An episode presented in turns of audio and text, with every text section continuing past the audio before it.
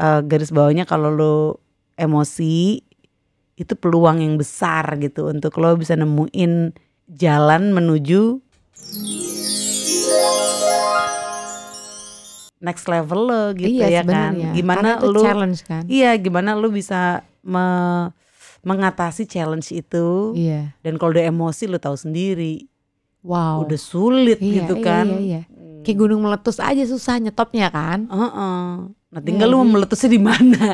Kalau gue waktu itu lebih pilih meletusnya di luar rumah kan. Jadi orang rumah gue nggak tahu dan dengan cara yang juga gue nggak teriak-teriak karena kan tetangga kalau Nah. denger PR. Enggak kalau Akhirnya iya, gue denger atau meletus, itu, gue meletus dengan cara denger pas denger lagu itu meletusnya jadi in a good way. meletus meletus balon hijau. Meletus kayak joget gue joget. Atau ya itu kalau teori gunung meletus itu Joget. lo ngeluarin larva larva. apa sih kayak warning-warning Lava, dulu kan kadang kan ada tuh yang Oh. oke ini gunung mau meletus nih Asap kan suka ada tanda-tandanya tuh ya kan Nah. itu yang mungkin itu yang gue pakai gue kayaknya kalau ini bakal meletus nih kayaknya nih sooner or Hmm. later gitu paling enggak ya lo semua nggak kenal lah gitu. Biarkan gue meletus sendiri ngerti kan Makanya gue tuh kalau kadang misalnya nih ada orang temen gue gitu ngomongin siapa yang kayak "Ih, kenapa sih dia tuh mukanya enak banget apa?" Eh bisa aja dia tuh lagi dapet. Misalnya dia cewek ya Bisa dia lagi dapet lagi. Lagi dapet lo gak bisa ngatur emosi Lo gak bisa ngatur. Kadang lo tuh gak mampu untuk mengatur Mengontrol tata cara lo ngomong apa. Jadi gak bisa langsung di judge juga gitu Apalagi kalau bukan alasan yang penting-penting banget gitu ya kadang. Kalau gue sih bukan ke masalah dia lagi dapat atau enggak sih. Gue lebih ke semua tindakan orang itu pasti ada alasan di balik itu. Misalnya tuh orang jutek, ya mungkin bisa kan lagi dapat atau hormon dia. Atau mungkin dia sedang dalam keadaan yang gak baik. Iya, intinya Misalnya masalah di rumahnya, Ah. masalah kerjaannya, Heeh. atau masalah dengan diri dia sendiri. Kayak pasti ada sih satu alasan eh Iya itu tuh, yang gue bilang balik kan. tindakan itu. atau badannya lagi ada yang gak enak kali gitu. Karena istilah si Eckhart Tolle itu istilahnya ketika dia ngomongin eh, ketika dia eh, kayak ngasih kisah orang yang eh, apa namanya orang yang penuh penuh banyak apa tuh menggerutu segala macam istilah itu pain body. Jadi di situ akhirnya gue akhirnya gue menganalisa sendiri kalau oh berarti di dalam pain body kan berarti badan ya badannya sakit dong. Berarti emang ketika ada orang bilang lu sakit lu mungkin emang di dalam physically ya badannya tuh emang ada yang sakit sel-selnya ada yang sakit. Itu mempengaruhi the way dia emosi kayak kita mau dapat kan itu lagi sel telur lagi mau keluar kan dan mungkin itu keluarnya lewat jalur yang emang butuh dibutuhkan rasa sakit gitu yang akhirnya mempengaruhi yang lain Ya pasti. jadi makanya kan di dalam tubuh yang sehat terdapat Jiwa. mental jiwa yang sehat gitu. Nah, kita Itu lanjut lagi. intinya. Berarti intinya itu ya. Intinya itu dalam tubuh yang sehat ada jiwa yang sehat. Jadi emang nggak bisa diremehin juga gitu. Ya tapi kan sebenarnya kan pernah ada tuh gue denger tubuh kita tuh akan memberikan sign kepada kita. Jadi ketika lo ngerasa sakit, ya berarti itu emang ada sakitnya di situ Iya. gitu. Lu Makanya dia ngasih sign gitu Mm-mm. kayak punggung gue nih atau pinggang gue nih, perut gue nih gitu nggak enak atau apa itu pasti ada pertanda. dia lagi iya sending message kan sending message kan. iya. Makanya lu dengerin badan lu terus-terusan. Nah, itu juga the way the way to the presence tuh. Kayak Jadi- lo ngomong sama badan lo sendiri gitu kayak every night thank you eyes Mm-mm. atau thank you hands. Ini balik lagi si Eckhart Tolle dan Deepak Chopra ya dua Gila ini. ya. Eh, nextnya ganti ya. Carl Jung lah. Carl Jung sama Alan Watts, Ganti bisa gak sih? Oprah Winfrey lah. Iya siapa Ya gitu-gitu juga dia bahasannya. Kalau menurut Eckhart Tolle itu ada tiga cara untuk kita menuju presence ya. Bisa lewat kesadaran terhadap inner body kita. Kayak Iya, oke. kita masuk gitu ke dalam badan kita. Yang kedua, jalan keluarnya melalui acceptance. Sama satu lagi, ya lupa nih gue. Nanti Tapi ntar next next sih, episode. tapi acceptance sih. Oke, Iya. maksudnya. Jadi jalan itu jalan gue- keluar menuju presence juga. Iya. Jadi kalau lo mau being presence bisa lewat inner body, bisa lewat acceptance sama satu lagi nih PR gue lah ya ntar besok moga-moga inget Ah, bukunya Nah, dia lagi dong.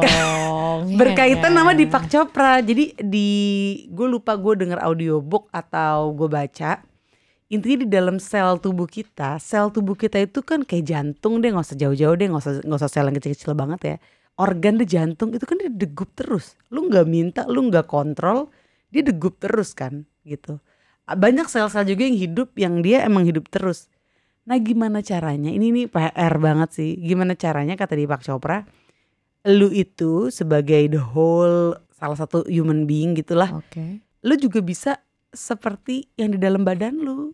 Jadi bergeraknya tuh Berdegup gitu loh, iya berdegup. lu lu kayak bergerak tapi lu flow aja flowing gitu loh. Contohnya ya jantung lu yang berdegup terus. Gimana caranya lu juga bisa kayak gitu Ya jadi lu intinya dalam lo sama luar berkesinambungan gitu. Mm-mm. Ya kan? mungkin nggak usah banyak mikir nggak usah banyak gitu kali jadi yaudah Jadi apa ya sebenarnya go with the flow iya go with dong. the flow go with the flow dan gue sering banget sih denger beberapa orang yang Which emang is gue udah ke itu. arah situ ya itu bagus lu udah bagus Karena berarti. segala sesuatu yang gue pikirkan akhirnya tidak terjadi. Lebih ke go with the flow malah less ekspektasi sih udah pasti. Iya, dan kalau katanya Kartoli, eh, ketika lu plan nih dan lu berambisi banget, lu pengen eh, meraih plan itu, misalnya lu pengen punya rumah gede banget gitu ya. Oke, gue tujuan ke situ. Begitu lo dapet, bahagianya atau rasa senengnya sementara banget gitu. Tetap lu ketika lu udah terjerat ke situ, lu akan nyari lagi. Oke, gue udah punya rumah gede, jangan-jangan apa yang kurang ya? Apa yang kurang? Ego, sifat ego tuh kayak gitu. Lu Iya. selalu nyari man, apa yang kurang ya? Yang kocak dia nyontohinnya, oke, the wife doesn't match the house. Akan ganti istri misalnya Oh gitu. Iya masa kalau lo mengikutin ego, jadi ya ketika lo melangkah bener banget lo sebelum lo decide ke sekecil apa pun, lo aware ini based on ego atau based on Iya, itu your gue. truth. Itu gue. Eh bagus, oke. Gue try to differentiate antara ego dan si jalur lain ini. Tau gak sih yang Iya the truth kan, your Iya. truth gitu. itu which is kadang susah. Lu perlu sering latihan gitu. Mm-mm. Sama gue coba walk the talk. Kayak jangan asal ngomong aja kayak gue bilang oke ketika gue berpikir atau gue pernah punya insight tentang satu hal itu gue ber- berusaha untuk ngejalanin itu gitu loh. Otherwise ya gue nggak usah komen. Ngerti gak sih? Iya benar. Emang seperlunya aja ngomong, mikir tuh seperlunya. Iya buat orang kayak gue tuh susah loh. Kayak gue ngomong mulu kerja. Nah itu lu mesti cari tahu lu kenapa lu ngomong terus. Maksudnya kapan sih ketika lu ngomong terus kalau kalau lagi ada kalau ada temen gitu. Kadang nggak Nah, juga. nggak kad sekarang nggak juga sih kayak gue juga sebenarnya observe juga sih mana orang-orang yang bisa gue eh ngoceh ngoceh ngoceh ngoceh ngoceh sama yang enggak gitu. Kayak lingkungan baru tuh pasti gue diem. Kayak gue observe dulu. Sebenarnya gue tuh banyak ngomong ketika one on one. Bertiga masih oke tapi ketika lak- eh, udah udah lebih gede grupnya kayaknya gue akan lebih banyak diem gue merasa gak nyaman aja. Nggak tahu ya apakah gue gak nyaman apa gue gak percaya diri atau gue gak nyambung simply? Atau enggak atau gini lo sering ngomong terus lo kan tadi bilang lo tuh thinking out loud itu lo mesti garis bawahin. Mungkin ini akan jadi PR juga ya inti garis bawah adalah thinking. Karena emang semua orang almost semua orang kalau kata si Eckhart Tolle itu addiction addicted to thinking addict lo ngerti nggak? Addict kayak ketagihan mikir tuh ketagihan. Lu kan ngomong juga hasil dari pikiran lu kan uh, mostly mungkin ketika lu yang ngoceh-ngoceh ngomen-ngomenin kan itu pikiran lu kan yang mungkin sebaiknya ya silent gitu pada akhirnya. Nah, itu gue tuh lagi begitu gitu. Gimana caranya? Ya kalau kalau gue nggak out loud mungkin kalau gue out loud gue akan cerewet kayak lo juga coba PR gue adalah gimana quiet the mind ini ketika gue misalnya lagi cuci piring atau gue lagi in- inti cuci piring lo sendirian banget dan lu bener-bener cuma ngeliatin piring sama keran gitu kan. Ya inti gimana caranya tuh pikiran tuh nggak muncul atau nggak usah jauh-jauh deh ketika gue baru bangun tidur aja. Itu udah udah main tuh. Nah intinya gue tuh pengen be fully alive. Yang kalau orang bilang live life to the fullest terus dia naik puncak gunung gitu nah gue nggak nggak enggak ntar dulu lah gitu. Itu itu gue juga pengen tapi live life to the fullest tuh gue punya arti baru yang emang kayaknya ini lebih benar gitu ya ketika lu bener-bener bisa being present fully gitu kayak bener-bener ya ketika lu megang meja ini lu bener-bener ngerasain ini meja udah no thinking gitu Ya lebih dirasa berarti kan. berarti PR-nya mung- mungkin nih buat lu kenapa lu ngomong terus intinya lu mikir cuma lu tipe yang mikir lu omongin aja jadi ketika lu Kadang dia bener-bener silent aja loh. Hmm? Dia ngalir aja. Ya mungkin secara berpikir secara tidak sadar ya. Nah itu unconscious itu adalah dosa. Maksud gue nggak nggak Gila kali. emang iya. ya nggak dosa lah. Cuy, ini yang gue ini yang gue denger dengerin dari si orang-orang ini ya. Ya masa dosa sih? Iya.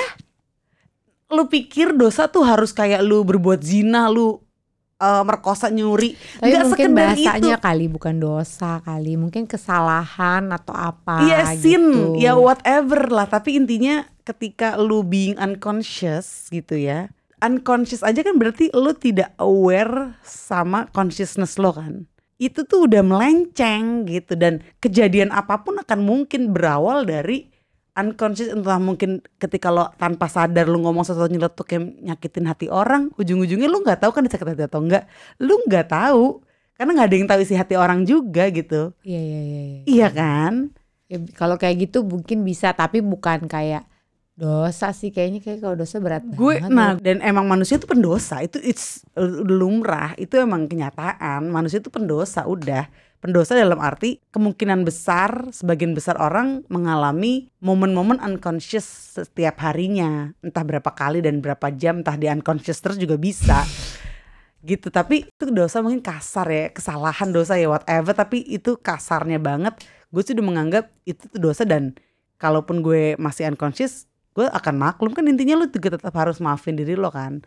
As long as ada niat lah untuk being conscious terus. Nah kalau ini balik lagi ke, ke bersosial ya.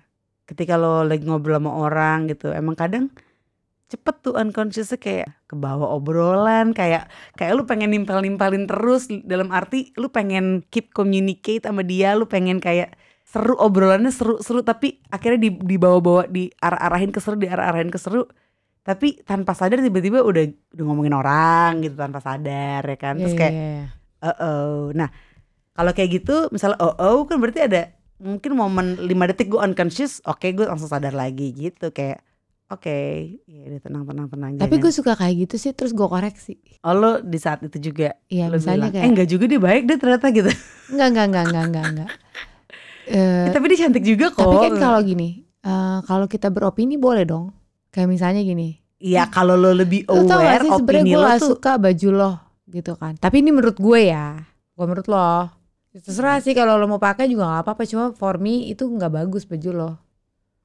kalau menurut gue di situ segi awarenessnya adalah purpose lo apa ngomong kayak gitu kalau tujuan lo untuk ini kan lo mau tampil misalnya si orang yang lagi lo omongin itu dia misalnya mau ke kondangan atau Hmm. mau ketemu banyak orang lain dan lo memposisikan lo sebagai orang lain orang yang emang care sama dia ya lo ngasih opini itu dengan tujuan itu ya nggak apa-apa tapi kalau lo tahu ini orang ya iyalah gue nggak begitu mungkin kayak kayaknya gaya lo kurang ya. Terus gue nggak kenal gitu sama tuh orang nggak mungkin. Iya, enggak nih misalnya walaupun temen lu bapak lu sendiri misalnya deh. Oh ya gue diem aja. Nah ya kan gitu. Iya. Kecuali kalau, nah gue juga belajar gue nggak mengungkap sesuatu kalau nggak ditanya. Kalau lo tanya juga belum tentu gue jawab. Tergantung. Menurut gue gue kapasitas yang menjawab atau tidak. Kalau enggak, ya lo tanyanya sendiri sama orangnya gitu. Karena Nah. bukan kapas, walaupun misalnya gue tahu ataupun mungkin gue nggak tahu. Iya itu itu udah bagus. Itu Jadi aware, kayak aware, mendingan aware. lo tanyanya sendiri deh gitu daripada gue salah gitu. Maksudnya atau honestly gue nggak tahu gitu bisa juga.